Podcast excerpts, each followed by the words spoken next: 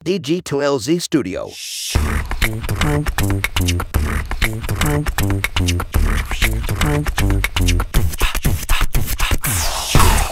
Selamat pagi, siang, sore, atau kapan pun waktu yang teman-teman pakai untuk mendengarkan podcast ini. Kembali lagi bersama saya Panji di podcast Ngobrol Bisnis. Dan kali ini sudah bersama saya adalah Mas Rizky Saiful. Halo. Halo Mas. Dan mensayangkan saham masyarakat. Jadi kita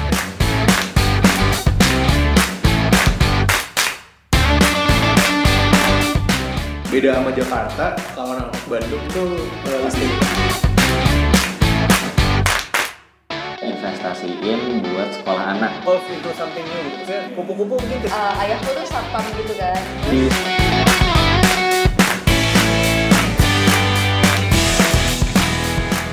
Mungkin sebagai awalan ini Mas eh, boleh memperkenalkan diri dulu backgroundnya seperti apa. Ya, ya. Salam kenal teman-teman semua pendengar podcast Ngobrol Bisnis. Aku Rizky Saiful. Em, kalau dilihat di LinkedIn itu majority karir aku jadi Scrum trainer, jadi Agile trainer gitu. Dan eh, tapi kalau ditelisik lebih dalam, sebenarnya aku eh, da- jauh di dalam sini itu adalah serial entrepreneur sama kedua penulis gitu. Jadi eh, aku memang habis lulus itu kecemplung ke dunia Scrum.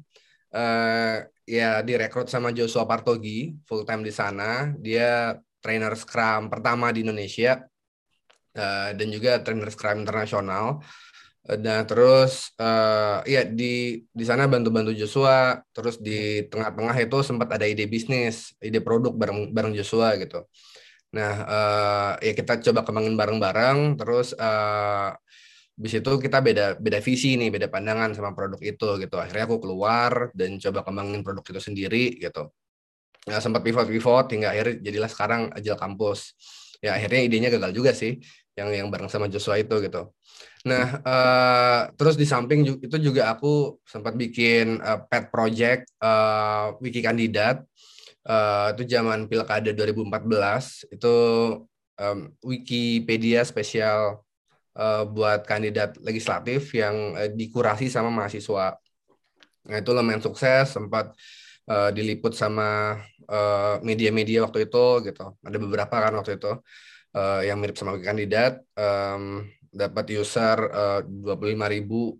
Nah, em, ya habis itu produknya sekarang juga udah mati gitu. Jadi eh, aku seneng banget buat eh, identifying problems, terus eh, ya udah bikin aja solusinya gitu dengan dengan eh, segala yang aku punya eh, doing the dirty work sampai barangnya jadi terus lempar ke publik terus lihat responnya Hmm.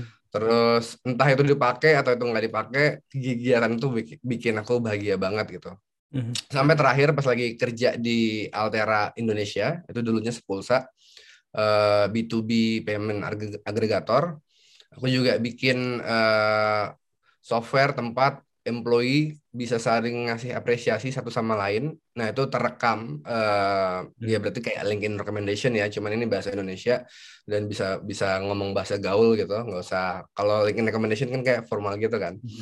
Nah, ini bisa bisa casual t- eh, terus bisa juga ngasih saran perbaikan. Jadi bisa ngasih kritik eh, ke orang langsung, bisa anonim kalau mau Eh, dan nanti ada template-nya. Jadi kita di, diarahkan buat ngasih kritik demi kebaikan karir dia gitu.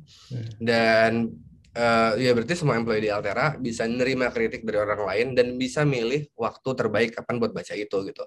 Hmm. Jadi kan kalau kritik itu kan biasa kadang-kadang bisa mengganggu banget kan menyerang mental gitu. Hmm. Hmm. Jadi dia bisa atur supaya oh gua gua mau mau mau bacanya di Jumat sore doang gitu. Itu bisa bisa diatur kayak gitu. Nah, eh ya produknya masih dipakai sampai sekarang. Em, bisa teman-teman akses di saku.altera.id. Nah, jadi ya overall itu sih. Eh ke depannya gua pengen jadi pakar, konsultan, eh, dosen eh, di bidang inovasi. Jadi ya gue pengen menjauh dari Scrum, dari Agile, karena seperjalanan gue melihat juga mantan-mantan eh, student gue, terus eh, pas dulu di Altera juga gitu, em, penghambat dan pendorong terbesar dari implementasi Scrum ya atau Agile secara umum itu sebenarnya ada di uh, karakter dan belief dari uh, CEO-nya gitu, dari Hmm. alpha-nya gitu. Yang mana itu bakal trickle down jadi uh, culture perusahaan itu gitu.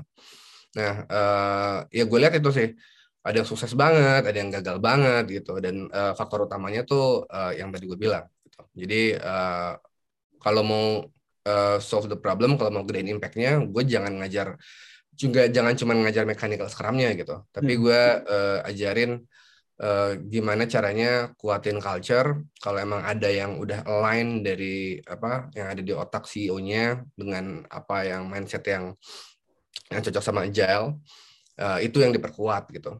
Dan yang nggak cocok ya ya dia buka-bukaan aja lah, bilang ke CEO-nya ini ini nggak cocok nih gitu. Hmm. Untuk ini gue baru-baru ini launching uh, iCurve uh, I C U V iCurve Oke. uh, iCurve.github.io itu websitenya. Nah uh, itu adalah lima lima value lima value yang menurut gua kalau lima itu ada di perusahaan lo mau pakai Scrum kayak mau pakai Kanban kayak mau bikin framework sendiri kayak itu bakal lancar gitu dan misal lo mau implementasi OKR lo mau uh, im- uh, bikin uh, OD yang pakai holacracy pakai ada yang baru sekarang namanya Unfix gitu Hmm. itu lo bakal lancar juga gitu jadi jadi uh, uh, pas gue terinspirasi pas gue baca buku No Rules Rules-nya Netflix gitu Hmm. gue pas gue baca itu buku tentang budayanya Netflix uh, um, gila agile banget gitu dan dan dan dia nggak ada sedikit pun mention tentang agile tentang Scrum tentang apa gitu Hmm. dan um, itu terimplementasi sampai di urusan HR-nya benar-benar di segala aspek di perusahaannya gitu nah um, dari situ gue lihat ada pola gitu Uh, terus gue baca-baca culture-nya Google, gue uh, gue lihat ada pola gitu yang sama. Nah pola itulah yang jadi lima lima uh, value yang ada di iCurve gitu. Hmm. Oh ya, ya uh, uh, mudah-mudahan membantu. Iya iya. Kalau kalau nggak laku, kalau gagal ya udah gue bikin yang lain. Iya iya iya. Menarik menarik menarik. Dan dan itu sebenarnya eh, terutama poin yang terakhir ya. Maksudnya eh, Ya. eh, oke tadi eh, berangkat dari Scrum Master dan seterusnya dan sekarang Ya. arahnya ingin sebagai kayak konsultan inovasi dan lain-lain dan justru Ya.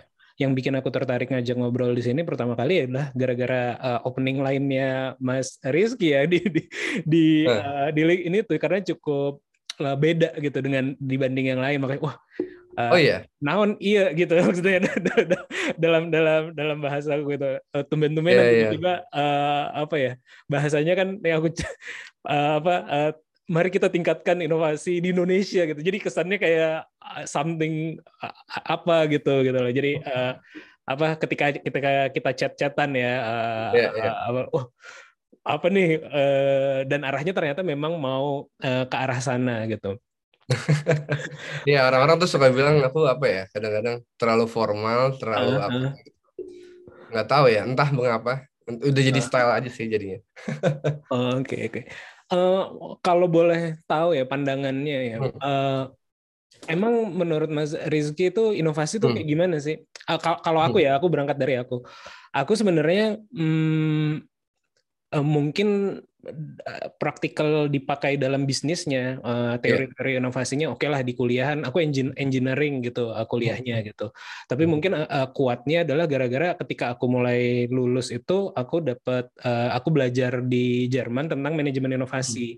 Hmm, jadi hmm, mindset aku terhadap eh, inovasi sampai sekarang yang aku bawa eh, di pekerjaan dan di bisnis juga adalah eh, eh, sangat Jerman banget gitu. Maksudnya Minded. Jerman kan eh, saklek banget gitu loh. Jadi kayak oke kita ngomongin masalah inovasi adalah lo eh, apa eh, invention plus komersialisasi kurang lebih eh, Ya. kurang kurang lebih seperti itu kalau kalau disimplifikasi ya. Jadi bukan sekedar new idea tapi lo ada inovasi, ada invention ya atau ada hasil Hmm. riset yang Hmm. lo sentuh dengan yang mana itu jadi komersil. Nah itu adalah inovasi gitu.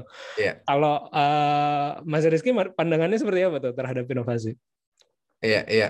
Heeh. Nah, kalau gue sih kebetulan eh, baru apa ya dua minggu lalu apa seminggu lalu gitu publish video eh, bedanya eh, ino- eh, inovatif, kreatif sama inventif gitu. Dan gue gue ngerujuk sama kamus di Oxford dan dari situ ya teman-teman bisa bisa lebih detail lagi nonton videonya mungkin nanti gue bisa titip link ke ke Panji gitu nah em, kalau dia itu ngubah cara orang berperilaku gitu Hmm. eh, jadi hal yang rutin gitu. Nah, eh, baru itu eh, inovasi gitu. Nah, kalau definisinya kreatif sama inventif eh, eh, mirip-mirip sebenarnya dua-duanya. Cuman kalau kreatif itu ada satu kata art artistik gitu di dalamnya Hmm. gitu. Nah, kalau inventif ya eh, eh, barunya aja gitu. Kata-kata eh, nyeninya itu nggak ada di kreatif gitu. Ketiga-tiganya ada unsur barunya di sana Hmm. gitu.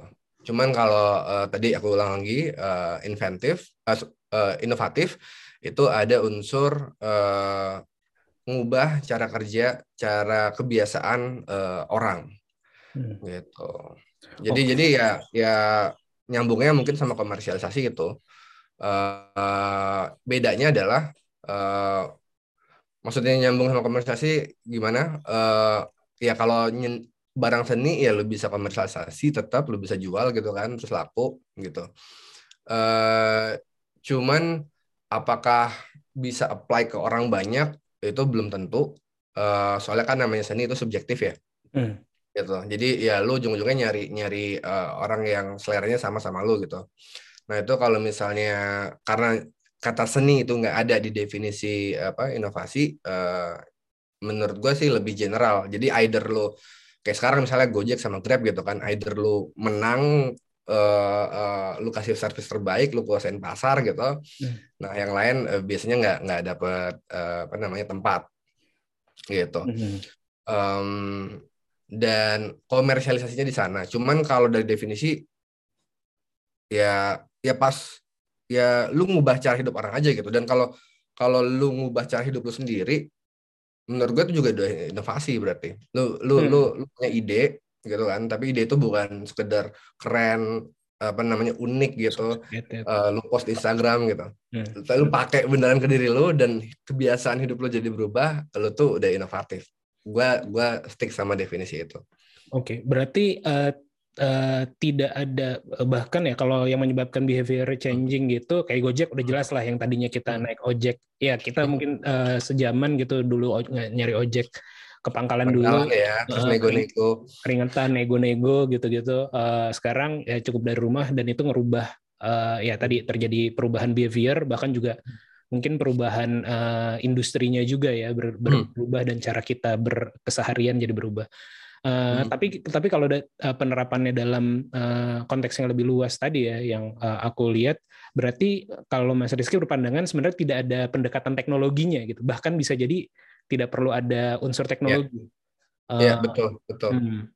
Hmm, kalau iya kalau aku tadi berpandangannya adalah ya karena tadi ya karena Jerman Jerman banget Hmm. gitu sentuhan Hmm. mungkin karena sentuhan pertamanya adalah jadi inovasi itu Hmm. adalah something lo create ya teknologi base gitu Hmm. teknologi base yang lo jual eh, entah jadi apa tapi kalau kalau tadi keseharian aja eh, itu juga udah termasuk inovasi gitu ya eh, dari dari sisi ininya ya dari sudut Iya, iya, iya. Gue ngecu sama yang apa namanya definisi Oxford itu. Hmm, Kamu I see, I see, I see. Iya, dan juga eh, kalau kreatif bener sih eh, ada unsur artnya bisa jadi. Tapi aku aku tertarik juga sih sama sama Hmm. kita sering kali ya nggak tahu ya Mas Rizky ngerasa apa enggak ya eh, Hmm. eh, sering kali kita tuh mendefinisikan sesuatu eh, yang tidak bisa kita jelaskan dengan eh, jelas eh, eh tidak bisa kita jelaskan dengan baik dengan kata-kata seni gitu. Eh, enggak enggak misalnya eh, eh, orang sering ngomong nih eh, tadi misalnya wiki kandidat gitu gara-gara ada pemilu orang bisa Iya. sering bilang wah politik tuh seni gitu kan jadi kayak kayak Hmm. kayak Hmm. eh, ilmu politik tuh ilmu seni gitu. Atau misalnya apa lagi ya?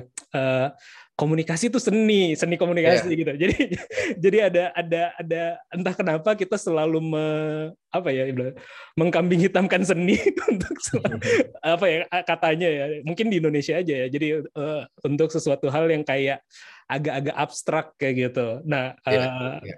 Apakah apakah kayak gitu juga nggak pandangan Mas Rizky terkait terutama tadi ya eh, kita ngambil unsur Hmm. eh, apakah kreatif tuh memang yang kayak gitu tuh ada unsur abstraknya juga tuh Iya, iya. Menurut gue sih lebih ke karena em, dia pakai insting. Jadi eh, di agile itu kita sering banget mencatut teorinya Kainofin. Eh, itu ada empat kuadran masalah Hmm. Yang ada di di dunia. Eh, tulisannya C Y eh, N E F I N Hmm.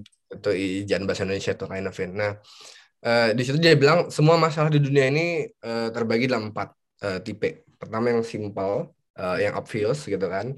Nah ini semua orang udah sepakat solusinya apa, udah udah di luar kepala gitu. Nah terus complicated. Complicated ini masalah yang bisa rumit, bisa berat gitu kan, atau bisa agak simple gitu. Tapi kesamaannya adalah solusinya tuh udah ada di luar sana, ada di, di sebuah buku gitu kan, atau mungkin di di di, di dalam eh, kepala se- sebuah pakar gitu kan. Kita bisa yakin solusinya itu ada. Hmm. Gitu. Mungkin ada beberapa solusi eh, dan dengan konteks-konteksnya masing-masing gitu. Tapi kita yakin banget solusinya ada gitu. Udah ada sekarang, tinggal di eh, eh, kejar. Nah, habis itu masalah kompleks. Masalah kompleks itu eh kita banyak nggak tahu hal yang kita nggak tahu gitu.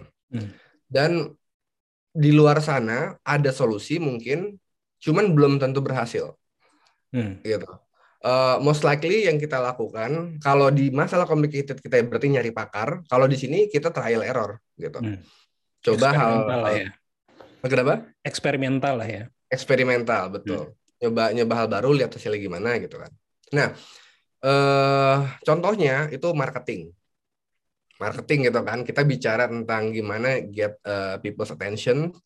Nah itu eh, eh, mungkin ada best practice-nya. Cuman pas semua orang pakai itu tentu orang jadi bosan gitu kan. Hmm. butuh butuh cara cara baru gitu buat narik attention gitu. Nah sementara contoh yang complicated ini itu dokter. Dokter yang praktek. Hmm. dokter yang praktek dia eh, apa namanya eh, udah ada tuh eh, pakem-pakem gini loh cara diagnosis terus treatment gitu kan. Terus hingga hasilnya dapat kesimpulan eh, dokter ada juga nih yang eh, bidangnya di bidang kompleks. Hmm. yaitu dokter apa? Dokter yang riset.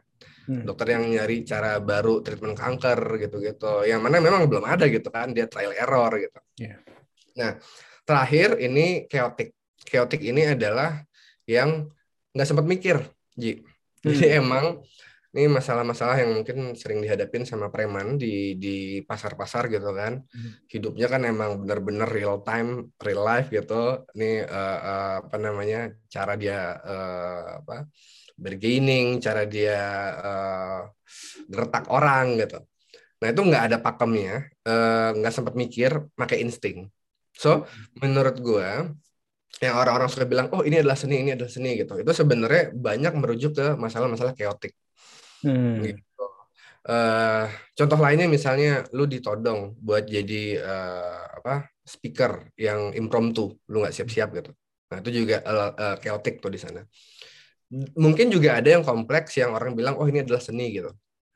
Karena lu oke lah ada proses kayak Scrum, ada Kanban gitu-gitu proses buat buat berinovasi gitu kan atau mungkin metode metode ilmiah buat berinovasi. Cuman bahwa lu muncul dengan sebuah hipotesa gitu kayaknya ini deh solusinya deh. Itu sendiri kan juga sesuatu yang nggak terjelaskan gitu kan. Makanya orang suka bilang oh gue dapat ilham nih gitu dapat wangsit nih gitu. Nah itu biasanya orang eh, bilangnya seni gitu. Hmm. kalau yang masalah complicated masalah ini ya udah jelas-jelas berarti di luar seni gitu karena udah ada prosedur yang jelas eh, tinggal kita kejar aja Iya. gitu Iya, menarik, menarik. Eh, te- pandangan gue adalah kalau misalnya dalam konteks eh, eh, penghidupan, eh, kehidupan manusia ya, kita tuh selalu mencoba, men- oke, kita eh, berpedoman pada eh, empat kuadran tadi ya, simple, Hmm. complicated, yang ketiga apa ya?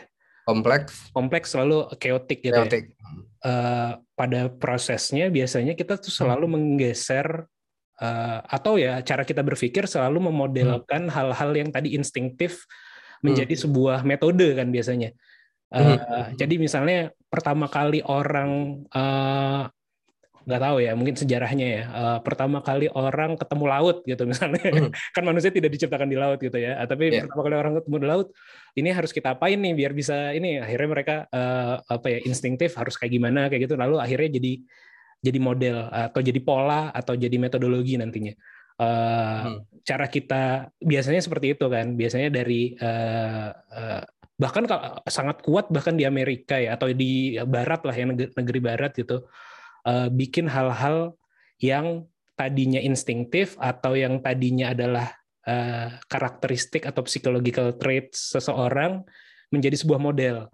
Kayak misalnya Hmm. yang sering kan kalau di luar negeri misalnya apa ya misalnya kalau di kita eh, di umumnya di orang Melayu Hmm. wah dia mah emang jago ngomong gitu misalnya ya Hmm, hmm. pandai pandai berkomunikasi secara ilmu komunikasinya dia bagus dan itu natural gitu secara Iya. natural dan biasanya kalau di orang kita kebanyakan yang jago ngomong akan jago ngomong Hmm. terus yang tidak jago ngomong ya tidak akan jago ngomong terus tapi kalau di Iya. orang bule kebanyakan kan bikin metodologi tuh oh lo Hmm. jago ngomong eh, begini loh misalnya ada tipsnya Hmm. eh, apa body language-nya eh, terus agar charming seperti apa charming kan hal-hal yang art tadi itu gitu itu Ya. itu dibikin modelnya gitu dibikin, Hmm. dibikin modelnya dan jadi eh, jadi mungkin eh, jadi complicated eh, mungkin nanti jadi simple ujungnya ya kalau kita kalau kita ini adalah sebuah proses ya empat kuadran ini Eh, nah eh, apakah ini nanti mungkin ada kaitannya sama Scrum juga ya. Apa, Ya. Apakah kira-kira gitu semua problematika yang saat ini chaotic nanti itu bisa bisa kita simplifikasi ujungnya ya. Kak, tapi tapi gue butuh penjelasan dulu. Empat kuadran ini ini ap- apakah ini proses atau memang memang eh, kuadran aja gitu? Ya, iya. Eh, gua boleh share screen nggak? Mungkin sekalian aja Oh. gua tunjukin gitu. Kita, kita bahas bareng. Gua Oke, bakal nggak tetap ucapkan ya supaya oke, oke, supaya oke. apa Ya, namanya? soalnya ya soalnya lebih banyak yang tadi gue bilang lebih banyak yang denger sih dibanding yang lihat. Oke, nggak Iya, apa-apa. Ini udah udah ada permissionnya belum? Eh, bentar, bentar. Ini aku lagi ganti ini sih. Udah bisa ya? Masih belum, masih belum. Eh, Oke, oke, Sof. udah udah coba. Gua bakal tetap ucapkan. Iya, Jadi eh, apa namanya? Ah, mudah-mudahan nggak itu. So, ini nih, gua tadi gue ambil ambil salah satunya dari dari Hmm. apa Google gitu. Nah, eh, menurut gua itu itu observasi yang oke Hmm. buat buat seorang yang cerdas kelihatan lah gitu. Nah, em, tapi yang gue baca dari definisi si Kainafin ini, Hmm. ini eh, lebih ke timing gitu. Kalau Hmm. masalah eh, tadi yang chaotic itu gitu. Jadi pas lu nggak sempet nge-sense, ini urutannya ya. Hmm. Kalau ini di, pas clear yang jelas itu kan, eh, lu nge-sense dulu eh, ini problem apa lu categorize gitu kan solusinya mana udah ada di otak lu gitu, udah lu respon gitu. Nah, lu nggak usah mikir gitu. Di sini habis lu sense lu analyze, lu perlu ada mikirnya gitu.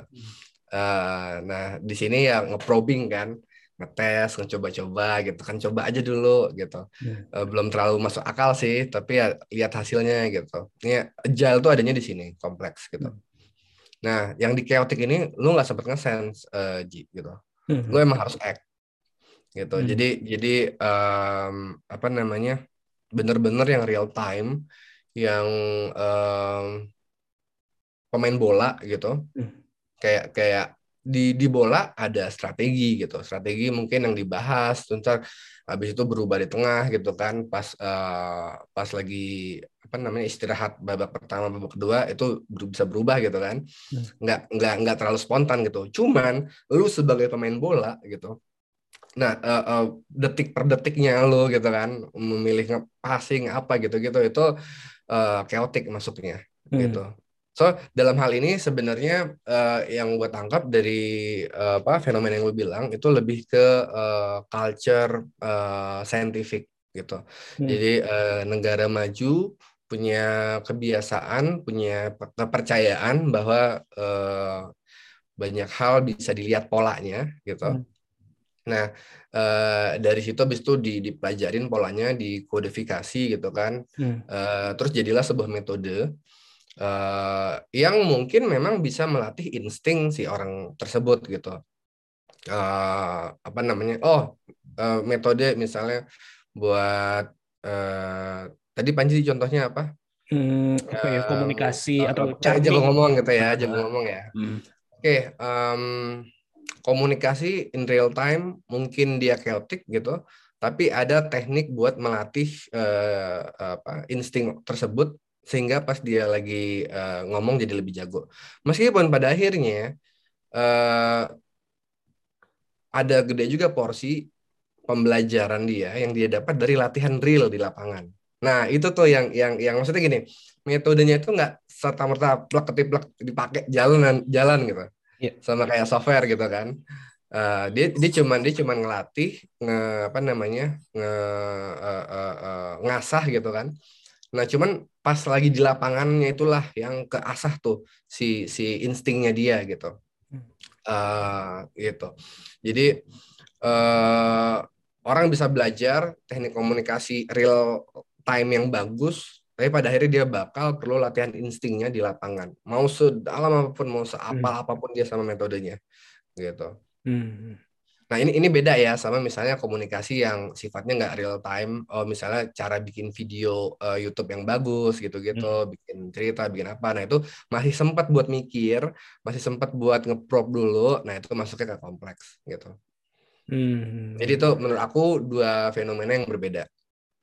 Iya iya. yang tadi yang scientific ngeliat pola, terus eh, eh, sama yang eh, chaotic, kompleks, complicated ini. Iya iya iya. Tempat menarik observasi yang eh, bagus kan baru baru dengar ya. Iya iya iya. Ini tapi Kira. tapi eh, eh, eh, yang tadi kalau kalau yang lo jelasin mungkin eh, akan ini juga tuh kalau kayak kayak misalnya atlet ya tadi contohnya atlet atau Iya. misalnya gue sering denger eh, apa sih namanya komedian ya komedian itu seolah-olah instinktif tapi sebenarnya kayak kayak yang sering diangkat adalah misalnya kayak komeng gitu komeng kan jago banget nyeletuk gitu Iya. Eh, celutukannya ba- jago cepat dan Hmm. lucu gitu tapi yang Iya. tidak kita ketahui bahwa itu adalah latihan ternyata Mhm, jadi mhm. kayak dia tuh eh, apa ya eh, yang gue pernah dengar di podcastnya itu sambil makan boleh nggak? boleh boleh boleh, santai aja santai Ngobrol santai ya. nggak udah santai Eh, Belum sarapan. Oke, oh iya di sana Pak masih pagi ya. Eh, Hmm. Tadi apa ya? Iya di komeng itu dia latihan Hmm. tuh kayak misalnya eh, yang lucu dari eh, taplak apa gitu. Jadi kayak dia nyari Ya. padanan sinonimnya tiap hari diulang-ulang Ya. segala Hmm. macam. Ujungnya kan Hmm. jadi eh, jadi terlihat instingtif atau bahkan Padahal sebenarnya padahal latihan. ya. sebenarnya latihan gitu. Hmm. atau karate gitu. Gue dulu sempat belajar karate sama bokap gue gitu. Eh, kita tuh dilatih. jadi jangan-jangan ya. Tapi ini Hmm. ini nggak tahu juga ya. Gue juga sering berpikir atau berdebat ber apa ya berpikir tentang masalah insting itu eh, apakah karena prior knowledge yang kita miliki tapi udah embed gitu di dalam diri kita sehingga kita instinktif bergerak misalnya kalau mau nyebrang jalan eh, tiba-tiba kayak insting tiba-tiba stop aja dulu eh, lagi Ya. sambil main handphone atau ada mobil gitu jadi kayak Hmm. instinktif tapi sebenarnya jangan-jangan itu udah udah udah udah lama embed di dalam diri kita jadi kayak Ya. proses yang tadi makanya tadi gue gue gue menduga tadinya itu kayak proses gitu Hmm. eh, eh, tadinya jadi dari kita eh, belum tahu eh, yang di kuadran paling bawah tadi ya kuadran terakhir Hmm. yang eh, chaos lalu lama-lama jadi ini karena kita secara tidak sadar eh, sudah membuat pola gitu Hmm. gue gue gue gue tadi menduga kayak gitu karena apalagi ini kan belakangan kemarin Hmm. lagi rame bini gue seneng banget nonton badminton kan Iya. itu itu juga sangat hal hal yang eh, membingungkan bukan membingungkan ya me- hebat banget gitu atlet-atlet gitu ketika belum mau lawannya belum mau nyemes dia udah tahu gitu mau ke mana Hmm. gitu itu kan kayak insting tapi gue rasa juga kayak ada tadinya dari chaos tuh sampai ke Hmm. dia jadi ah lo gitu doang gue juga bisa kali handle Ya. gitu, gitu. Hmm, Eh, hmm. gue itu menarik sih gue gue baru denger yang tadi ya yang yang yang Hmm. eh, proses eh apa tadi eh, kuadran eh, problem yang tadi lo ceritain itu Ya, kind of. Hmm. Eh, Ya. iya, iya. Kalau kalau bagian itu harusnya sih misal misal eh, eh, apa namanya Atlet. main tenis apa main apa badminton ya Ah. dia nggak nggak lewat ke kompleks dulu berarti jadi Hmm. chaotic terus habis itu jadi complicated terus jadi eh, simple kalau dengan pola pikir kayak gitu ya bisa berubah gitu Eh, soalnya kan dia bukan berarti dia nyari cara baru tuh Eh, eh, bukan berarti dia cari nyari cara baru probing apa nyemes backhand atau gimana gitu iya. Eh, eh, eh. Soalnya kalau yang kompleks itu bener-bener ya bener-bener kayak kita ngelakuin uh, design thinking, Mhm. kayak ngelakuin uh, Scrum gitu. Kita uh, dihadapkan sebuah masalah, terus kita menentukan solusinya apa tuh buat solve itu gitu. Hmm, Jadi- iya. Jadi eh ya mirip misalnya kayak yang tadi komeng tuh dia eh, eh, dia duduk dulu terus mikirnya apa yang gimana caranya gue bisa ngelucuin setaplak meja ini gitu. Ah, Nah, itu ada beberapa opsi tuh dia pikirin, dia pikirin, bis itu dia dia pilih satu, bis itu dia lihat, dia tes, dia coba cerita ke orang, temen deket, ketawanya levelnya seberapa, dia diapalin gitu kan, coba lagi opsi lain, oh segini gitu. Hmm. Nah, eh ya kalau kalau yang lawak eh, itu bisa masuk ke sana, cuman kalau yang badminton gue nggak kepikir tuh masuk Hmm. ke kompleksnya gimana. Oh iya, kompleksnya ya. Kompleks tuh yang tadi eh, berarti harus ada eksperimentalnya juga ke arah. Probingnya, Hmm, coba-cobanya gitu. Ya. Ini ini juga eh, jadi menarik nih ketika Hmm. eh, metode tadi atau ya terutama yang kompleks juga ya mungkin ya dari Hmm. masalah yang chaotic eh, atau masalah ya yang chaotic lalu masalah yang kompleks Hmm. eh, dalam konteks inovasi ya yang tadi kita bahas atau mungkin eh, eh, terutama eh, metodologi sebenarnya kayak Scrum eh, atau design thinking tadi itu kan sebuah metodologi yang eh, dibuat un- untuk eh, menyelesaikan sesuatu eh, karena sebelumnya telah berhasil menggunakan metode tersebut jadi jadi dimodelkan kan Benar. dengan Hmm. dengan eksperimental kayak gitu Hmm. Eh, dengan eksperimen lain-lain. Nah, cuman kan menariknya adalah ketika kita ngomongin eksperimen kalau di real bukan di real ya kalau di ilmu eh, apa ya istilahnya ilmu ilmu alam gitu apa ya ilmu Hmm. matematika IPA yang kayak gitu-gitu STEM, STEM. Kalau ya di sini. STEM ya Iya. STEM eh, di STEM itu Hmm. eh, eksperimen yang sama menghasilkan result yang sama kan Mhm, mhm. Jadi misalnya dulu SMA gue eksperimen apa tuh kimia pakai kertas luminus. Eh, kita baca di buku ya resultnya kalau lo kertasnya nanti nggak biru berarti ya apalah kayak gitu. Jadi udah, Ya, ya. udah definitif gitu. Nah menariknya kalau di inovasi ya eh, di bisnis let's say kayak gitu. Ya. Semua belajar nih metodologinya yang dipakai Gojek, yang dipakai Netflix yang tadi lo ceritain gitu Mhm. Atau ya metode lean startup lah dan lain-lain. Hmm. Tapi kenapa resultnya nggak sama? Menurut jadi maksudnya ada yang bisa jadi segojek, ada yang mungkin di masa yang sama juga dengan Nadim dengan mungkin kepintaran yang sama juga Ya. eh, mencoba tapi tidak sama gitu resultnya. Ya. Menurut menurut lo kenapa tuh? Ya, iya. Jadi eh ini mungkin perlu dipisah dulu nih konteksnya gitu. Oke oke. Apakah apakah gua apakah yang dimaksud adalah oh gue pengen nih mengemulasi cara kerja, proses kerja, etos kerja eh, sebuah organisasi gitu. Atau gue ingin mensimulasi bisnisnya gitu. eh kalau yang Mungkin ber- pertama mung- mungkin berangkatnya Hmm. mungkin berangkatnya dari melihat problem gitu. Jadi misalnya kan kayak contoh Gojek ya. Kayaknya Ya. banyak orang yang melihat problem yang sama gitu. Dan gua nggak gua nggak sanksi bahwa ada orang lain juga yang berpikir hmm, ya kayaknya harus ada Gojek online. Ja- Jangan jauh-jauh kayak temen gue juga ada yang oh dulu tuh gue punya ide kayak gitu tuh gitu waktu Hmm, waktu Gojek lagi ngebum gitu. Ya Ya. lo kan nggak jalanin kayak gitu kan. Eh, tapi mungkin ada yang one step ahead dibanding dia yang sama-sama jalanin dan segala macam. hmm, Artinya melihat masalah yang sama, Ya. mungkin bereksperimen juga, eh, eh, tapi resultnya berbeda. Kalau kalau di Scrum atau di metodologi yang lo biasa ini kan, apakah itu diukur juga ya, eh, atau bagaimana? Oke oke, ini berarti eh, eh, fokus sama itu ya yang tadi gue emang, Nah. me- eh, kita coba nge-solve problem yang sama gitu, Ya.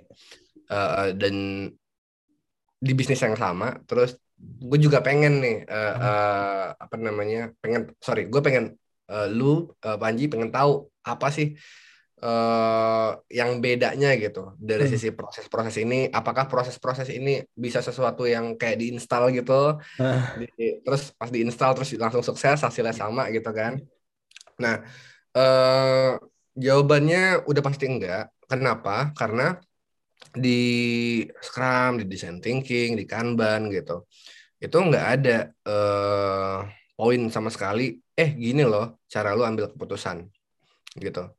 Dan maksudnya gini, eh, sama kayak metode ilmiah. Metode ilmiah itu kan step-step lu lu lu eh, punya hipotesa gitu. Eh sorry, lu lu observe. Gue lupa sih detailnya kayak gimana. Tapi dulu diajarin kan di di Iya, iya. biologi itu SMP. eh itu metode yang generik banget gitu. Hmm. Dan semua peneliti bisa pakai itu, tapi hasil penelitiannya bisa beda-beda gitu karena eh ya pas lu datang dengan sebuah hipotesa eh lu nggak ngikutin sebuah metode gitu. Lu bener-bener di situ make eh apa kreativitas lu, lu make eh apa istilahnya itu lateral thinking ya. Bahwa lu lu nggak linear gitu. Lu bener-bener bisa ada banyak opsi, lu sebar gitu. Nah, eh critical thinking lo dipakai di sana gitu. Dan juga wawasan lo kayak eh Nadim mungkin dia em, mungkin temen lo ada yang kepikirannya nih kayaknya bisa di solve nih problemnya nih gitu. Make make HP terus make eh, Gmap gitu kan, GPS. Nah, mungkin kebetulan tapi temen lu nggak tahu tentang Uber gitu yang tahun lalu Hmm. sebelumnya launching di Amerika gitu. Nah, Nadim mungkin tahu gitu. Mungkin beda kali mungkin dia eh, bapaknya kalau nggak salah di US ya. Hmm. Eh, nah, terus ya dia bahkan pernah pakai itu gitu. Nah, itu kan dia punya wawasan yang beda banget sama lo gitu kan. Mhm. Nah, itu juga jadi bahan buat nentuin kualitas dari hipotesa lo gitu, Hmm. wawasan lo gitu. Nah, eh ya akhirnya resultnya beda-beda pasti tiap orang. Sorry, tiap bisnis. Mhm. Nah, tapi itu satu aspek. Gue tetap pengen nyinggung yang tadi gue kepikiran bahwa aspek lainnya adalah gimana lo eh, bikin culture di organisasi lo gitu. Khususnya kalau tim lo udah gede gitu. Jadi eh, lu bisa datang dengan hipotesa solusi yang sama, pengen solve problem yang sama gitu kan. Cuman perusahaan lu culture-nya lebih jelek daripada Hmm.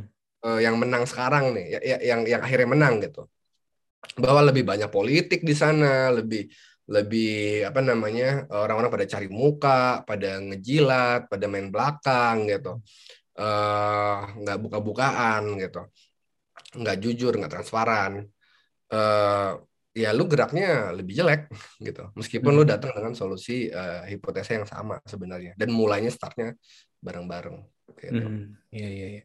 Mungkin akan menarik sih kalau lo tadi sempat cerita pengen jadi dosen atau apa gitu kan kalau Hmm, uh, dosen inovasi kayak gitu mungkin kayak Iya. bikin eksperimen di kampus gitu ya Hmm, yang hmm. uh, mahasiswa tingkat berapa yang kurang lebih knowledge-nya kan uh, sama lah yang di- diterima Iya. selama ini gitu sampai tingkat Hmm. tersebut lalu Hmm. dikasih problem yang sama dan juga dikasih ya pokoknya dikasih problem yang sama dengan background yang kurang lebih sama kayak gitu ya jadi Hmm. jadi kita eksperimen aja gitu lo Iya. Siapa nih yang akan berhasil gitu kalau yang berhasil ini apa yang menyebabkan dia jadi yang Iya. menyebabkan kenapa lu bisa berhasil ya yang ini enggak gitu jadi jadi kayak apa ya kayak eksperimen tapi eksperimen terhadap sosial gitu kali ya jadi Ya, ya eksperimen terhadap proses inovasi, so- sorry terhadap kegiatan inovasi, Heeh. gitu kan. Yang yang gue sebagai dosen gue bisa ambil sampel banyak, eh, maksudnya bertahun-tahun gue lakuin itu gitu kan. Nanti gue dapet polanya gitu. Nah eh, itu bisa banget. Kebetulan istri gue tuh sekarang kan kuliah di Inggris eh, bidang pendidikan dan eh, dia tertarik banget sama namanya project based learning gitu. Yang itu juga dipromosiin sama Nadim ya buat buat salah satu yang dipromosiin Nadim gitu buat kurikulum sekarang. Nah, itu eh, emphasize banget ke kegiatan langsung real eh, anak-anak itu biasanya setim eh, eh, anak muridnya. Dan dia tuh harus punya eh, audience. Jadi kalau Hmm. dulu kan kita bikin tugas kelompok eh, di zaman kita sekolah, ada yang ya udah tinggal tinggal eksekusi aja nih eh, yang diminta gitu. Misalnya bikin apa eh, preparat eh, penelitian apa gitu kan, eh, simulasi apa gitu. Nah kalau ini lu bikin produk yang harus punya audience Hmm. gitu dan dan eh, punya masalah yang pengen di solve. Nah cara nge-solve-nya itu yang dibebasin ke eh, masing-masing anak-anak itu gitu. Hmm. Jadi jadi eh, itu terbukti eh, ya ya ini istri gue lebih tahu sih ningkatin eh, apa namanya ownership sama sama jadi lebih engage gitu lebih ngerasa memiliki dan yang gue paling senang adalah eh, ngasih simulasi real di dunia bahwa ntar mereka bakal ada konflik internal terus Hmm. apa namanya se- ya kayak kayak kerja lah gitu Iya, iya. Kalau dulu kan kita biasanya ada ada ada ada yang gabut ya. Ada yang gabut nggak di di tim Gue presentasi doang gue. Gue biasanya presentasi? doang. itu gabut atau enggaknya tergantung pandangan yang lain ya. Gabut itu sebenarnya karena karena nggak bisa juga enggak bisa juga enggak. Karena yang lain ngerasa anjir gue nggak nggak bisa banget presentasi malu gue gitu. untung ada Panji gitu kan. Tapi kan jadi cari muka, jadinya cari muka kan. buat buat mereka sorry buat mereka value lu tuh gede gitu makanya gab- gabut itu relatif. Nah tapi lu masih mending kan ada kontribusi ini, ini ada yang gabut beneran gitu main Iya, hilang beneran gitu. Nah eh cuman kita kan nggak solve problem itu gitu. Nah ini ini yang paling eh, eh, kalau emang ide ide itu bagus Ji. Cuman kalau kalau itu mau jalan eh, menurut gua susah kalau di sistem masih kayak satu semester tuh empat bulan efektifnya atau Hmm. lima bulan gitu. Jadi eh, bakal lebih baik kalau bicara banyak malah eh, apa eh, inovasi ya Hmm. eh, bikin produk ya setahun lah gitu setahun tim itu ada mereka kerja bareng coba solve problem itu itu bakal lebih eh, efektif I see, I see. Ya, eh, ya memang menarik banget ya. Eh, termasuk yang itu eh, yang tadi yang barusan lo ceritain juga tuh metodologi Mhm. pendidikan di sana sebenarnya kan eh, mencoba untuk mensimulasikan dulu kan. Lo Iya. nanti kemungkinan akan mengalami masalah yang akan chaos nih. Iya. Eh, nah betul tuh masalah chaos itu masalah tentang people biasanya Iya, iya, iya. Eh, Dan akhirnya dicoba disimulasikan kan, sehingga Ya. nanti lo punya prior knowledge eh, ketika lo menghadapi ini di dunia Hmm. apa ya, dunia nyata gitu ya, dunia Hmm. bekerja. Kira-kira lo udah punya eh, insting, tadi kan, lo udah punya benar insting benar untuk Hmm. men men-solving tersebut karena gue dulu udah diajarin kayak kita kalau dulu kan kita nggak diajarin apa ya misalnya yang sekarang ya ya apalah gitu ya permasalahan kita hadapi sekarang hmm. Eh, begitu. Nah kalau kalau kalau di luar mungkin lebih banyak eh, eh, begitu biar si anak-anak ini punya problem solving yang lebih oke dibanding orang yang lebih dewasa. Eh, nah, nah, kalau kalau eh, lu di, sekarang lagi di UK itu dalam rangka apa, bro? Dalam rangka jadi bapak dan suami yang baik Oh berarti yang kuliah istri. yang kuliah istri terus kita kan bawa anak kan Ah, Oke. umur eh, nanti bulan depan tiga tahun Oh, I see, I see. Eh, soal di mana di UK-nya? Newcastle Newcastle upon Tyne di utara Oh iya. tapi belum belum masuk Scotland Oh iya iya. Iya. Soalnya ini apa jadi experience yang menarik banget dan mungkin bisa diterapkan juga tuh maksudnya yang tadi tadi eh, yang tadi kita obrolin di sana kan salah satu pusat kreatif juga ya kalau kita ngomongin UK kan kreatif hub eh, dunia Hmm. mungkin ya bisa dibilang ya. Oh jadi Hmm. jadi jadi hal yang menarik. Eh eh, terus lo sebut juga di LinkedIn ya eh, pas lagi chat lo dengerin Radiohead. Yo Gimana tuh? Tinggal di UK dan jadi fansnya? oh iya iya. Eh enggak sih enggak sempat Gak sempat sempat. nonton. Terus eh gue sempat nyari-nyari apa komunitas eh, fans Radiohead di Newcastle nggak nemu gitu. Oh, jadi ya gue ya seperti yang teman-teman gue udah pada cerita gitu. Kayak teman gue ada yang dia ke Jepang terus eh ya dia suka Jepang-Jepangan kan wibu-wibu gitu. Terus dia langsung eh, nanya tuh teman satu labnya yang di Jepang waktu itu eh lu tahu ini nggak? Tahu itu nggak? Gitu. Nah terus dia kecewa karena nggak ada yang tahu gitu. Jadi jadi bahwa ya musik yang atau mungkin seni-seni yang eh, apa niche. Itu ya bakal niche juga gitu di negara asalnya gitu. Yang emang indie ya bakal indie gitu.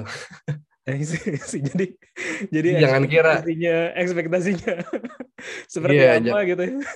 Mm-mm. jangan Iya. kira- dan dan pas gue lihat juga eh, apa namanya eh, yang lebih aktif konser sekarang kan Muse ya gue juga suka Muse sebelum Radiohead gue suka Muse gitu Hmm. nah eh, hampir nggak pernah ada Muse konser di Newcastle gitu jadi emang termasuk kota kecil sih Gitu. Mungkin- iya. mungkin itu jadi faktor juga eh, hmm, tentang ini Iya, Terus iya. faktor kedua, faktor kedua ini kayaknya gue dapet pas tinggal di sini, nggak tahu mungkin kayak di Jerman juga gitu. lebih eh, individualistis orangnya gitu. Jadi lebih lebih di rumah gitu. Kalau kita kan lebih seneng apa bikin komunitas, kumpul gitu, ngobrol apa gitu. Iya, iya. Nah mungkin itu juga kenapa gue susah nyari eh, apa eh, komunitas. tadinya gue pengen tuh nyari komunitas penggemar apa gitu kan terus ntar Hmm. bawa gitar ngejam bareng nyanyi Hmm. gitu nyari temen ngelatih bahasa Inggris cuman nggak nemu Iya, iya. Kalau gue nggak pernah tinggal di Jerman dalam rangka eh, jangka panjang gitu sih. Dulu oh, gue bentar waktu itu sebentar course cuma dua bulan lah kayak gitu. Hmm, Hmm. Kemarin juga Maret ke Jerman itu cuman semingguan lah kayak gitu. Jadi Hmm. nggak nggak belum sempat sampai dalam banget sih eh, masalah kalau eh, culture atau berkehidupan eh, kayak iya. gitu sih. Iya, kayaknya emang kayaknya emang dibanding kita apa pelesiran Heeh. gitu datang gitu eh, lebih enak tinggal bentar deh. Eh, Hmm. Berapa ya? Tiga enam bulan gitu. Hmm. Maksudnya kalau emang lo tertarik sama culture-nya, terus Hmm. memperluas pandangan gitu. Hmm. gue lebih kepikir kayak gitu tuh nanti eh, eh, di masa depan. Kan juga kan sekarang remote working makin rame ya, Iya. Eh, makin banyak gitu. Jadi kita bisa eh, pindah negara enam bulan di sana minimal gitu. Eh, coba cari temen, coba itunya tuh itu lebih apa ya? Lebih ngebuka pikiran lo gitu. Lo jadi lebih bijak juga. Em, ini gue tinggal kan di akomodasi kampus nih. Hmm. Kalau kalau mau lihat gedung-gedungnya ya kayak gini lah. Oh, ini kayak mesnya gitu. Berarti lo lo beasiswa ya? Eh, istri lo beasiswa gitu ya berarti? Ini beasiswa. Cuman yang di sini juga banyak yang nggak beasiswa. Eh, eh, maksudnya ini eh, kayak eh, asrama gitu, Hmm. yang eh, spesial bisa Family. mahasiswa yang berkeluarga. Hmm. Jadi gue dapet teman tetangga tuh dari mana-mana. Hmm. Terus anak-anak bocahnya pada main-main aja gitu di depan. Terus eh, eh, ya itu yang kalau gue nggak di asrama nggak dapet eh, sense Hmm. itu. Hmm, ya. Dan eh, ya seru lah belajar tentang budaya sudut pandang orang seluruh dunia. Berarti kalau lo ada rencana sekolah lagi? Soalnya kalau gue lihat di LinkedIn kan hmm, apa eh, terakhir di UI ya ilmu komputer. Eh, Hmm. Apakah mau ambil sekolah lagi juga Oh, atau pastinya, pastinya. Karena kan pengen jadi dosen, Eh, gitu. di situ Em, rencana di kenapa? di New- Newcastle juga. Oh, nggak tahu. Yang jelas kan ini bakal balik nih gue sama istri eh, Hmm. bulan depan. Terus, Oh, udah udah ya, mau selesai ya. setahun berarti? doang, setahun doang. Di Oh, I see. Inggris tuh setahun doang. Nah. Kalau di Jerman dua tahun ya, S2-nya. gue juga kurang tahu sih. Nah, eh ya jadi balik, terus eh, coba berkarir sambil ya persiapan buat apply eh, LPDP juga. Hmm. Benar-benar dapat LPDP juga gitu. Ini kan gue sekarang LPDP. Apa Hmm. istri gue? Oh, I see, I see. Eh, iya, soalnya kalau gue lihat, hmm, sebenarnya ya, yang gue juga agak ragu kalau gue pribadi agak ragu untuk ngambil kuliah lagi itu karena kayaknya nggak terlalu apa ya, hmm, belum ada, belum, gue belum tahu eh, kepentingannya sebenarnya sih. Iya, sebenarnya. iya. Nah, kalau kalau sekedar knowledge aja gue gue lebih seneng ngambil yang short course short course kayak gitu kan Benar, gue kebanyakan ngambil yang kayak gitu tuh kayak yang di Jerman atau uh, di Hmm. mana kayak gitu di Australia gue terakhir du- 2017 kayak gitu. Iya. jadi knowledge-nya kurang lebih sama terus kredensialnya juga. Bahkan kalau yang Australia tuh cukup bagus karena dia ngecap kita sebagai alumni juga. Padahal kayak cuma Hmm, gue dua minggu doang gitu loh. Ya, Uh, ya, secara knowledge-nya oke knowledge apalagi sekarang bisa di mana-mana. Iya. Uh, dan juga uh, waktunya singkat yang pasti gitu loh tidak tidak Iya. makan uh, ini sama sekali gitu Iya, iya. kalau lo menimbang itu karena lebih mm, kebutuhan akademis ya nantinya ya Itu satu. Hmm. Terus kedua, yang tadi gue bilang gitu, eh, di awal pas perkenalan, eh, gue serial entrepreneur sebenarnya, Hmm. Eh, suka bikin hal baru dan lempar ke publik gitu. Nah, di sisi lain gue juga baru kenal, eh, maksudnya makin kenal diri gue gitu di 20 umur 20-an akhir itu adalah gue suka nulis gitu. Jadi gue emang nikmatin banget eh, apa namanya eh, pemikiran yang yang kayak tadi pas di interview ini tuh ada beberapa pemikiran tuh yang yang baru muncul gitu.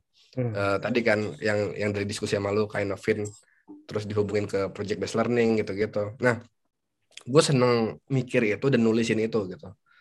Bikin itu jadi terstruktur dan gue kalau nulis tuh bisa panjang, bisa Hmm. apa namanya. So eh, eh, ya emang eh, tipi maksudnya tipe-tipe akademik terus intelek yang gitu gitulah gitu justru dan itu mungkin kelemahan gue gue eh, apa eh, tadi kan bahasa gue jadi agak formal kurang kurang banyak eh, luasan buat gaul di lapangan gitu sosial gitu eh, eh, bersosialisasi terus em, tapi di sisi lain gue ekstrovert Hmm. jadi jadi senang ketemu orang baru gitu ngobrol-ngobrol ujung-ujungnya jadinya aneh gitu kan jadi Hmm. agak apa eh, nyentrik gitu Em, em, em, ya eh, karena memang dia harus jadi dosen harus S2 S3 dan juga karena eh, punya jiwa akademisi dan penulis di dalam diri gue Hmm, iya iya iya. iya.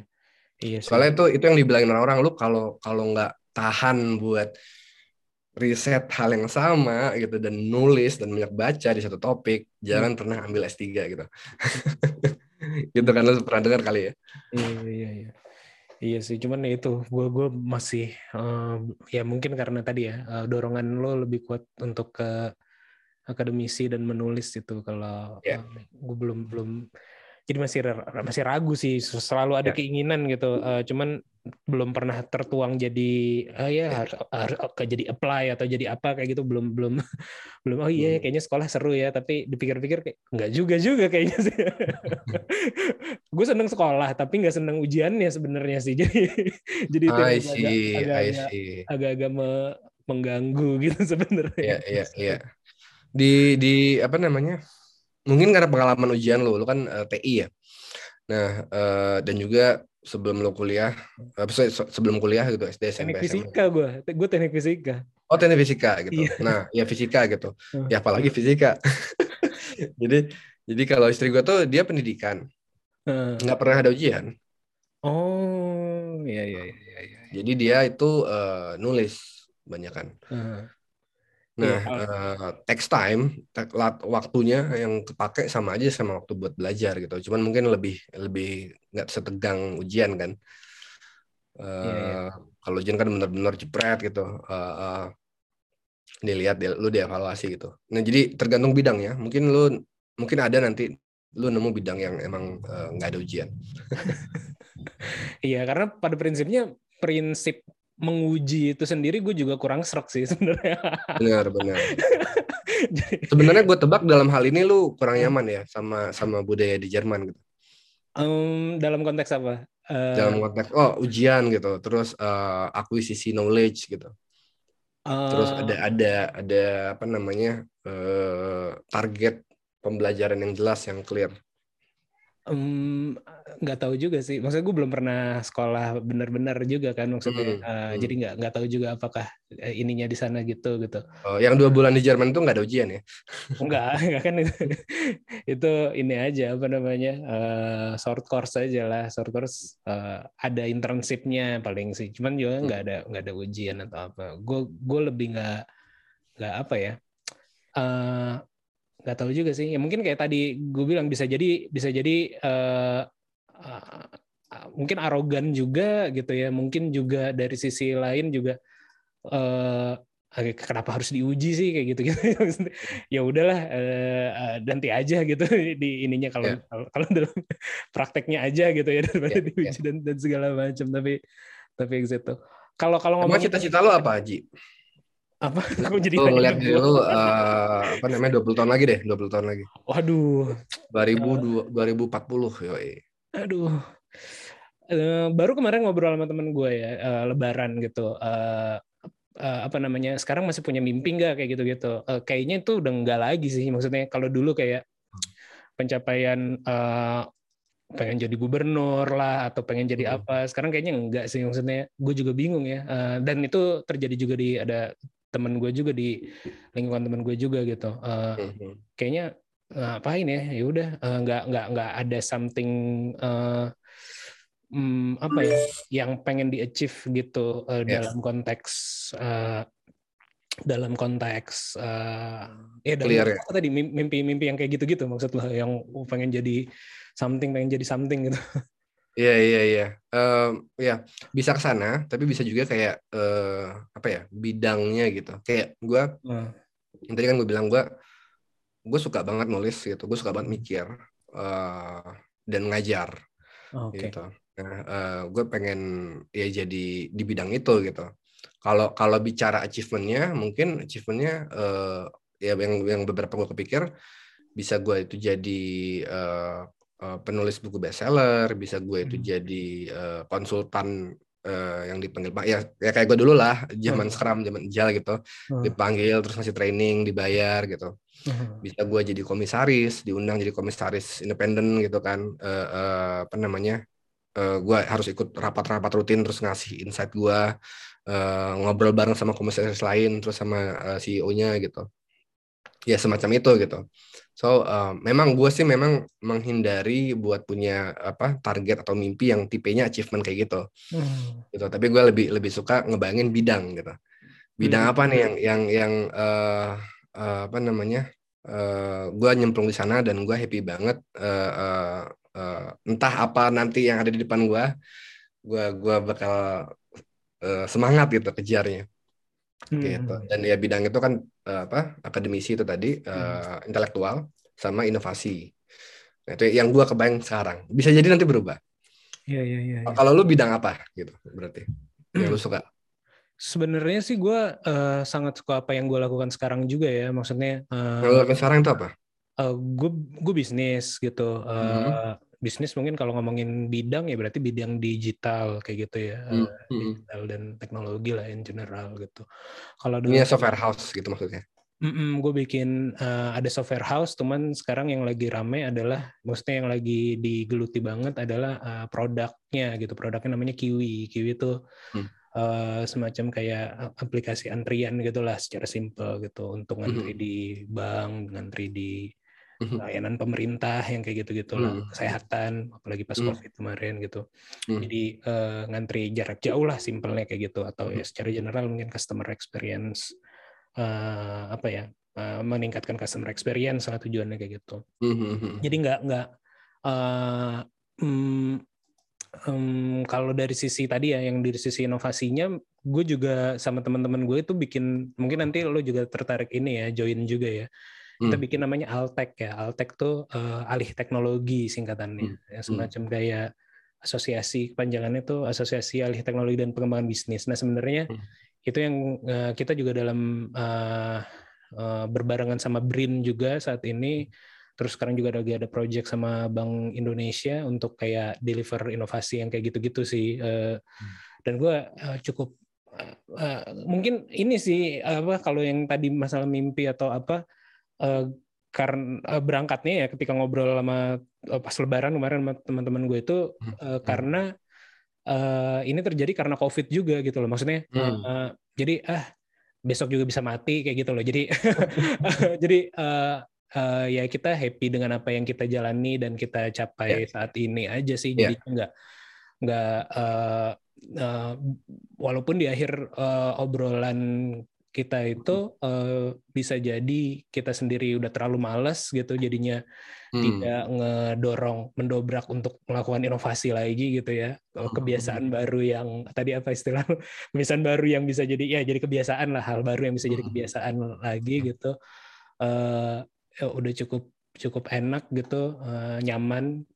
Jadinya tidak tidak mendorong itu lagi gitu Iya. Eh, tapi yang tadi lo sampaikan sebenarnya menarik juga ya eh, bahwa mimpi itu bisa jadi di bidang dan juga nanti eh, paling nggak excel di bidang tersebut gitu kan. Iya. Hmm, Iya sih itu bagus sih Eh, kan mimpi itu hal yang mahal ya jadinya. Karena ya eh, belum tentu bisa dibayangin gitu. Gue juga jadinya nggak nggak nggak terlalu begitu belakangan ini mungkin ya karena karena covid juga efek efek efek efek akibat covid juga gitu. Gitu sih. Tapi tapi menarik kalau lo yang yang mau lo capai adalah hal tersebut tadi ya eh, masalah di bidang akademisi. Menurut gue sekarang Indonesia waktu yang tepat Hmm. banget ke- kalau lo balik Ya. gitu ya Eh, tadi lo cerita juga Nadim lagi melakukan banyak inovasi gue Hmm. juga beberapa kali di ini jadi eh, apa bantu kampus merdekanya Hmm. eh, eh, di beberapa kampus kayak gitu terus juga BRIN terutama sekarang eh, melakukan perombakan besar-besaran kan Hmm. Ada inovasi gitu ada yang resisten banyak yang resisten tapi juga Hmm. Ya ada juga unsur politiknya juga tapi menurut gua Hmm. eh, momentum yang tepat banget ketika lo balik terus Hmm. i- eh, apa ya ambil posisi dan ambil positioning ya ambil positioning di situ dan Hmm. bisa jadi ini lagi chaos sih sebenarnya lagi di tahap Chaos, chaos Ya maksudnya itu gimana? chaos yang tadi dalam terminologi lo itu apa Hmm. maksudnya eh, banyak problem eh, kan inovasi lahir justru di negara-negara yang bermasalah kan maksudnya eh, Biasanya. ada yang punya masalah biar biar jadi ini jadi ketika lo balik nanti terus juga eh, ambil posisi tadi ya eh, konsultan inovasi menurut gua akan akan eh, bisa achieve dengan baik sih karena Ya. di mana-mana butuh eh, ininya ya eh, apa namanya ya, ilmunya lah ya atau ya hmm, ya diskusi-diskusi seperti ini menurut gua diperlukan kayak gitu. Setuju, setuju. Iya. Semuanya butuh, semuanya butuh. Yang buat yang lagi ngejabat sekarang butuh sesuatu yang bikin dia jadi terpilih lagi gitu kan.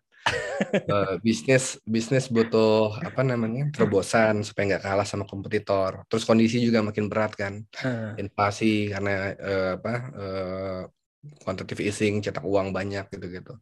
Nah, eh, ya jadi jadi eh, em, wish us luck. Iya iya iya ya. mudah-mudahan balik. Kalau Lu berarti sorry sorry motong. Lu berarti udah ada di bidang yang lu nyaman berarti. Makanya lu juga ngerasa punya mimpi gitu. Lu lu udah lu udah punya bisnis, bisnis sukses, lu eh, apa namanya? kebutuhan sosial lu juga udah terpenuhi dari podcast gitu.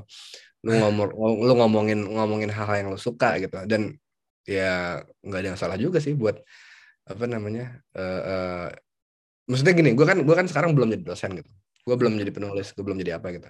Jadi gue terlihat seperti lagi ngejar ke sana gitu kan. Cuman mungkin insya Allah ya gue nyampe sana gitu. Pas gue nyampe sana bisa jadi gue di posisi lo kayak ya udah, gue udah di bidang yang gue suka gitu. Mungkin jadi ada beberapa mimpi-mimpi kecil di bidang itu yang gue kejar gitu. Cuman gue udah nyaman dan ya Iya, eh, iya. itu sebuah sebuah state yang nggak salah juga sih menurut gue. Iya ya, tapi ya tadi gue bilang di akhir di akhir diskusi kami tuh eh, apa apa terlalu ini ya maksudnya eh, ya ini bu- bukan diskusi panjang dan diskusi sambil halal bihalal gitu sih bukan. Ya, ya, ya, ya, bukan kayak ya. diskusi yang serius juga gitu.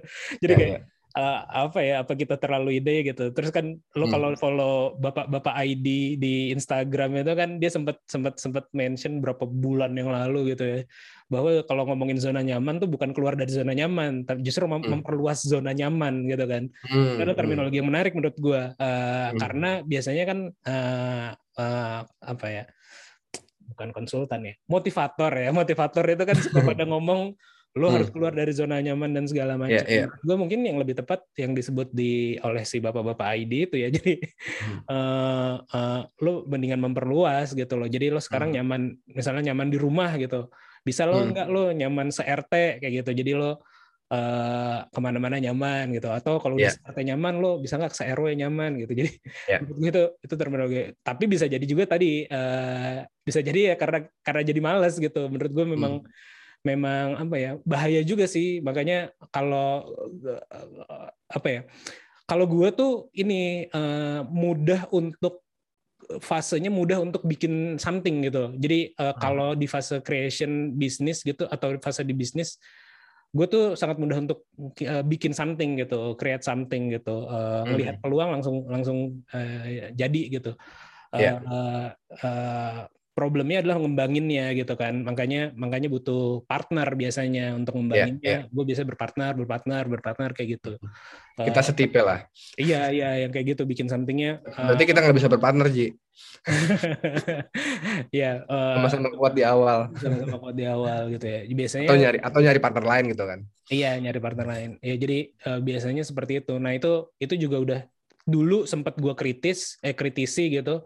Hmm. Tapi ya pada akhirnya juga udah nyaman juga dengan itu gitu. Nggak nggak nggak Ya. usah nggak usah eh, nggak usah ngerjain sesuatu yang nggak kita suka aja lah sebenarnya gitu. Betul. betul. jadi jadinya ini gitu. Eh ah, tadi gue mau ini apa ya buat buat closing tuh eh, buat pertanyaan akhir gue lu- jadi lupa gitu. Eh eh, Sorry, gua gua doyan motong soalnya. jadi, Potong. jadi jadi ini eh aduh lupa gue beneran deh Eh, Apa, iya apa. tadi tuh yang masalah ketika lo balik lagi ke sini terutama juga Hmm. mungkin bini lo juga ya masalah apa tadi ya yang diambil apa masalah eh eh, progress apa learning project Project based learning. project based based learning ya. Gue nggak tahu sih istilahnya kayak gitu ya. Eh, tapi kayaknya tinggal di Bandung bukan? di Bandung, Bandung sekarang di Bandung. Based di Hmm. Bandung. Iya. em, sorry, motong lagi gue. Iya. Maksudnya ini- terkait terkait project based learning ini, Aha. gue sama istri itu bakal eh, tahun depan mungkin kalau lancar bakal eh, pindah ke Bandung, tinggal di Bandung gitu. Oh, I see, I see, I see. Boleh, Gara-gara-. Itu gara-gara istri gue nemu sekolah yang bagus banget eh, eh, dan juga implementasi project based learning gitu. Hmm. Namanya Semi Palar Oh, di dekat Pasteur ya dekat Pasteur lah itu gue lupa nama itunya. Suka jadi apa. Nah eh dia itu eh udah nyari-nyari di Jakarta nggak nemu gitu. Eh, dia sendiri orang Jakarta gitu. Jadi eh, ya bela-belain pindah ke Bandung karena cuma nemu di Bandung gitu. Dan eh kalau emang tertarik sama hal ini mungkin bisa visit mungkin bisa nonton YouTube-nya. Eh, Panji udah punya anak? Belum, belum. Nah, eh, apalagi nanti misal punya anak gitu. Hmm. Soalnya eh, istri aku bilang itu ya jarang di Indonesia dan eh, eh, berharga banget sih, valuable banget sih. Eh, kebanyakan yang sekolah-sekolah internasional tuh ya cuman modal bahasa Inggris doang. Tapi secara mindset, secara apa tuh masih sama aja gitu. Hmm. Yannya, apanya, itunya, ya ya kalau modal bahasa Inggris doang sih sebenarnya value-nya nggak nggak segede dari uang yang dikorbanin. Iya, iya, iya. Em, mungkin mungkin value-nya prestisnya juga kali oh gila eh, apa, sama kayak beli barang mahal kan fiturnya ada di harganya Iya, iya. ya anyway Ah. itu tentang itu tentang project based learning tadi nyetup motong sorry banget Iya, Balik iya. lagi, silakan. Mungkin mungkin terakhir ya, ya, uh, Hmm. dalam konteks pengajaran dan pembelajaran ya. uh, Hmm. Ini mungkin agak uh, tapi gue minta pandangan aja sih. uh, Mhm. hmm, sekarang kan memang sangat inovatif banget ya masalah pembelajaran. Terus juga dari tadi apa yang kita omongin Hmm. eh, metodologi eh, belajar, metodologi melakukan riset, inovasi, Hmm. bereksperimen Hmm. dan lain-lain gitu. Eh, ini agak nyeleneh, eh, tapi eh, where do you stand on eh, pembelajaran tipikal eh, Islam learning? oh kalau dalam konteks misalnya kalau kita ngambil eh, ngambil lo apalagi lo udah punya anak gitu kan ngambil Iya, eh, kebanyakan kan kalau di Islam atau di pembelajaran Islam itu Iya. adalah ya lo eh, taken aja dulu gitu lo kalau Iya. perlu misalnya kalau apalagi dengan ke ilmu Al-Qur'anan lo hafalin aja gitu eh, ya ya eh, no matter apa reasonnya dulu atau tadi ya proses eh, Hmm. Memahami problemnya dulu, memahami urgensinya dulu, ya ya Hmm, hmm. ambil aja dulu gitu. Oh, where do you stand on that point? ya ya ya sebelum gue jawab gue mau nanya lu kenapa kepikiran ini gitu nanya Eh, ini ini soalnya topiknya rada beda dengan sebelumnya Karena gue dengar di sebelah istri gue lagi ngaji, jadi kepikiran ya terus terus eh, beberapa waktu yang lalu eh, dia kan belajar ini ya, belajar apa namanya? eh, belajar apa sih namanya itu? Eh, eh, eh, sanat lah ibaratnya dalam konteks eh, cara membaca Al-Qur'an kayak gitu. Dan Hmm, kita hmm. sering berdebat masalah itu gitu. Maksudnya eh, eh, menurut gua ada beberapa yang bisa dimodernisasi tapi ada juga Hmm. yang eh, eh, kalau dalam konteks Islam eh, biasanya eh, saklek ini karena karena kedenger aja dari sebelah benar-benar iya, ngalamin iya. sih. sanat itu sanat sanat apa tajwidnya pronunciation ya Iya atau betul betul betul Oh, betul betul. Jadi lo kalau eh, dalam konteks eh, lu Islam kan ya? Jadi gue Iya, iya, iya. takutnya jelasinnya atau ininya Alhamdulillah. karena gue menduga dari nama aja sih takutnya kan Iya, iya, juga iya. gitu. Eh, tapi tapi in general bukan cuma dalam dalam dalam dalam dalam eh, ilmu tersebut gitu. Kalau kita Ya. gue sendiri kita juga apalagi di orang Indonesia dulu kan di sekolah atau kita belajar Islam pertama kali kan juga eh, ya lo terima, Terima aja aja. dulu gitu lo eh, lo hafalin aja dulu bahkan kan sering Ya, sampai sekarang kita sholat juga nggak tahu bacanya artinya apa Iya, gitu kan iya. Eh, ritual apa eh, aja gitu Eh, Ya. ada pandangan Ya. nggak paling nggak terkait Iya, iya, iya ini topik menarik banget. Gue sering banget bahas sama istri. Thank you udah angkat. Hmm. Saking senengnya sampai gue tanya kan kenapa lo nanya. itu, itu kan artinya ada. itu artinya saking serunya buat gue gitu. Oke oke. Jadi eh, apa namanya eh, yang gue sepakati sama istri gitu. eh, ada banyak banget yang bisa di, diubah di pendidikan Islam gitu. Hmm. Eh, salah satunya itu. Jadi eh, kita sama gua sama istri eh, nonton Numan Ali Khan. Eh, Hmm. pernah dengar nggak? Inggris ya? Kenapa? Inggris juga ya dia ya, kalau nggak salah ya? Enggak enggak, dia USA. Oh, USA. Dia di New York, keturunan Pakistan, dia di New York gitu. eh dia background aslinya bukan apa namanya eh, ulama, scholar scholar apa agama gitu. Cuman dia tertarik dan dia belajar gitu, bela-belain eh, nyari guru orang Arab gitu. Karena fokus dia adalah bahasa. Jadi dia eh, bukan fokus di fikih apa di mana gitu, dia di bahasa gitu. Hmm. Dia pengen tahu eh, dari si makna gitu kan dari si ba- bahasa Arab, grammarnya, katanya, vocabnya gitu. Dan dia ada satu video itu satu jam, satu setengah jam lebih kalau salah. Hmm. Dia eh, lecture dia di Malaysia, cuman bahas Al-Fatihah gitu. Hmm. Dan dan dia bahas tuh secara grammar, terus eh, hubungannya ke makna gimana gitu. Hmm. Eh, eh, grammar dan eh, apa eh, kosakata. Hmm. Nah, eh gua sama istri seneng banget dan ngerasa harusnya orang Islam tuh semuanya bisa bahasa Arab idealnya gitu. Hmm. Dan eh, maksudnya bukan bisa ya, eh, bukan bisa ngomong, tapi paham gitu. Hmm. Nah, eh, ya kan masalahnya case-nya eh, di zaman Nabi juga eh, apa namanya? eh, belum belum banyak case yang ada orang asing banget nggak bisa bahasa Arab gitu Hmm. dan nggak paham. Nah itu baru baru muncul setelah-setelahnya gitu kan. Dan dan harusnya eh, ekspansinya sampai paham bahasa Arab. Dan setuju banget sama lu gitu. Harusnya eh, pas sholat ya nger- ngerti apa yang diomongin gitu. Karena itu yang orang-orang Arab di sini ngerti. Gue punya tetangga orang Libya, orang Hmm. apa namanya eh, Arab Saudi gitu, orang eh, Mesir gitu. Nah mereka semua paham Arabnya Al-Quran gitu Hmm. gitu. Jadi mereka bahasanya dialeknya beda, bisa 70% beda gitu. Cuman mereka nge- ngejaga yang bahasa standar di Quran itu gitu. Hmm. Dijadiin bahasa buat di TV, di koran gitu. Hmm. Nah, itu yang harusnya muslim-muslim di apa Malaysia, Indonesia itu juga juga paham Hmm. gitu.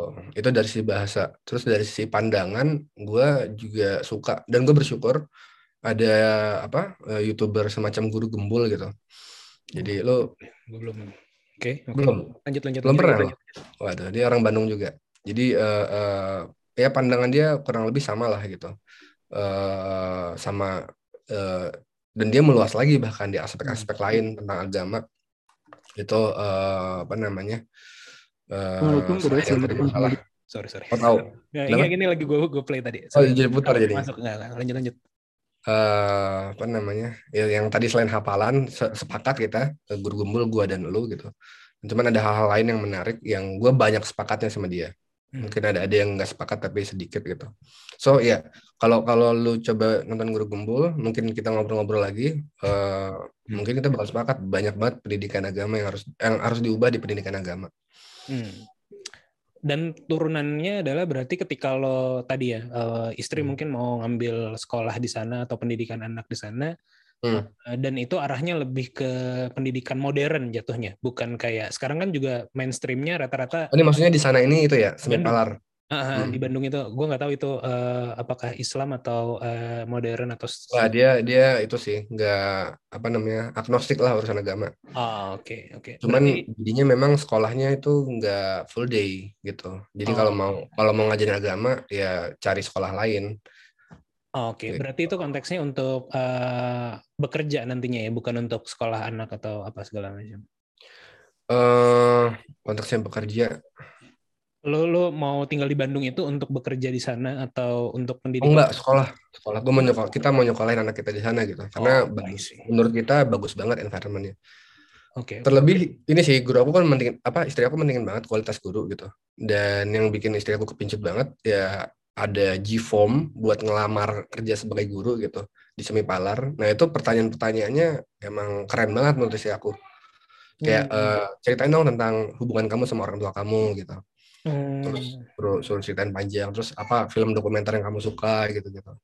Oh, I see, I see. Jadi jadi eh, eh, eh, apa penting buat istri aku sebenarnya yang paling penting adalah belief dari kepercayaan dari gurunya.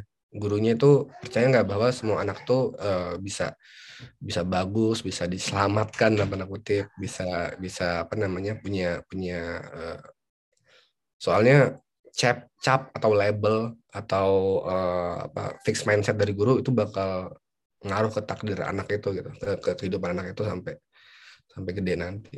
Iya iya iya. iya.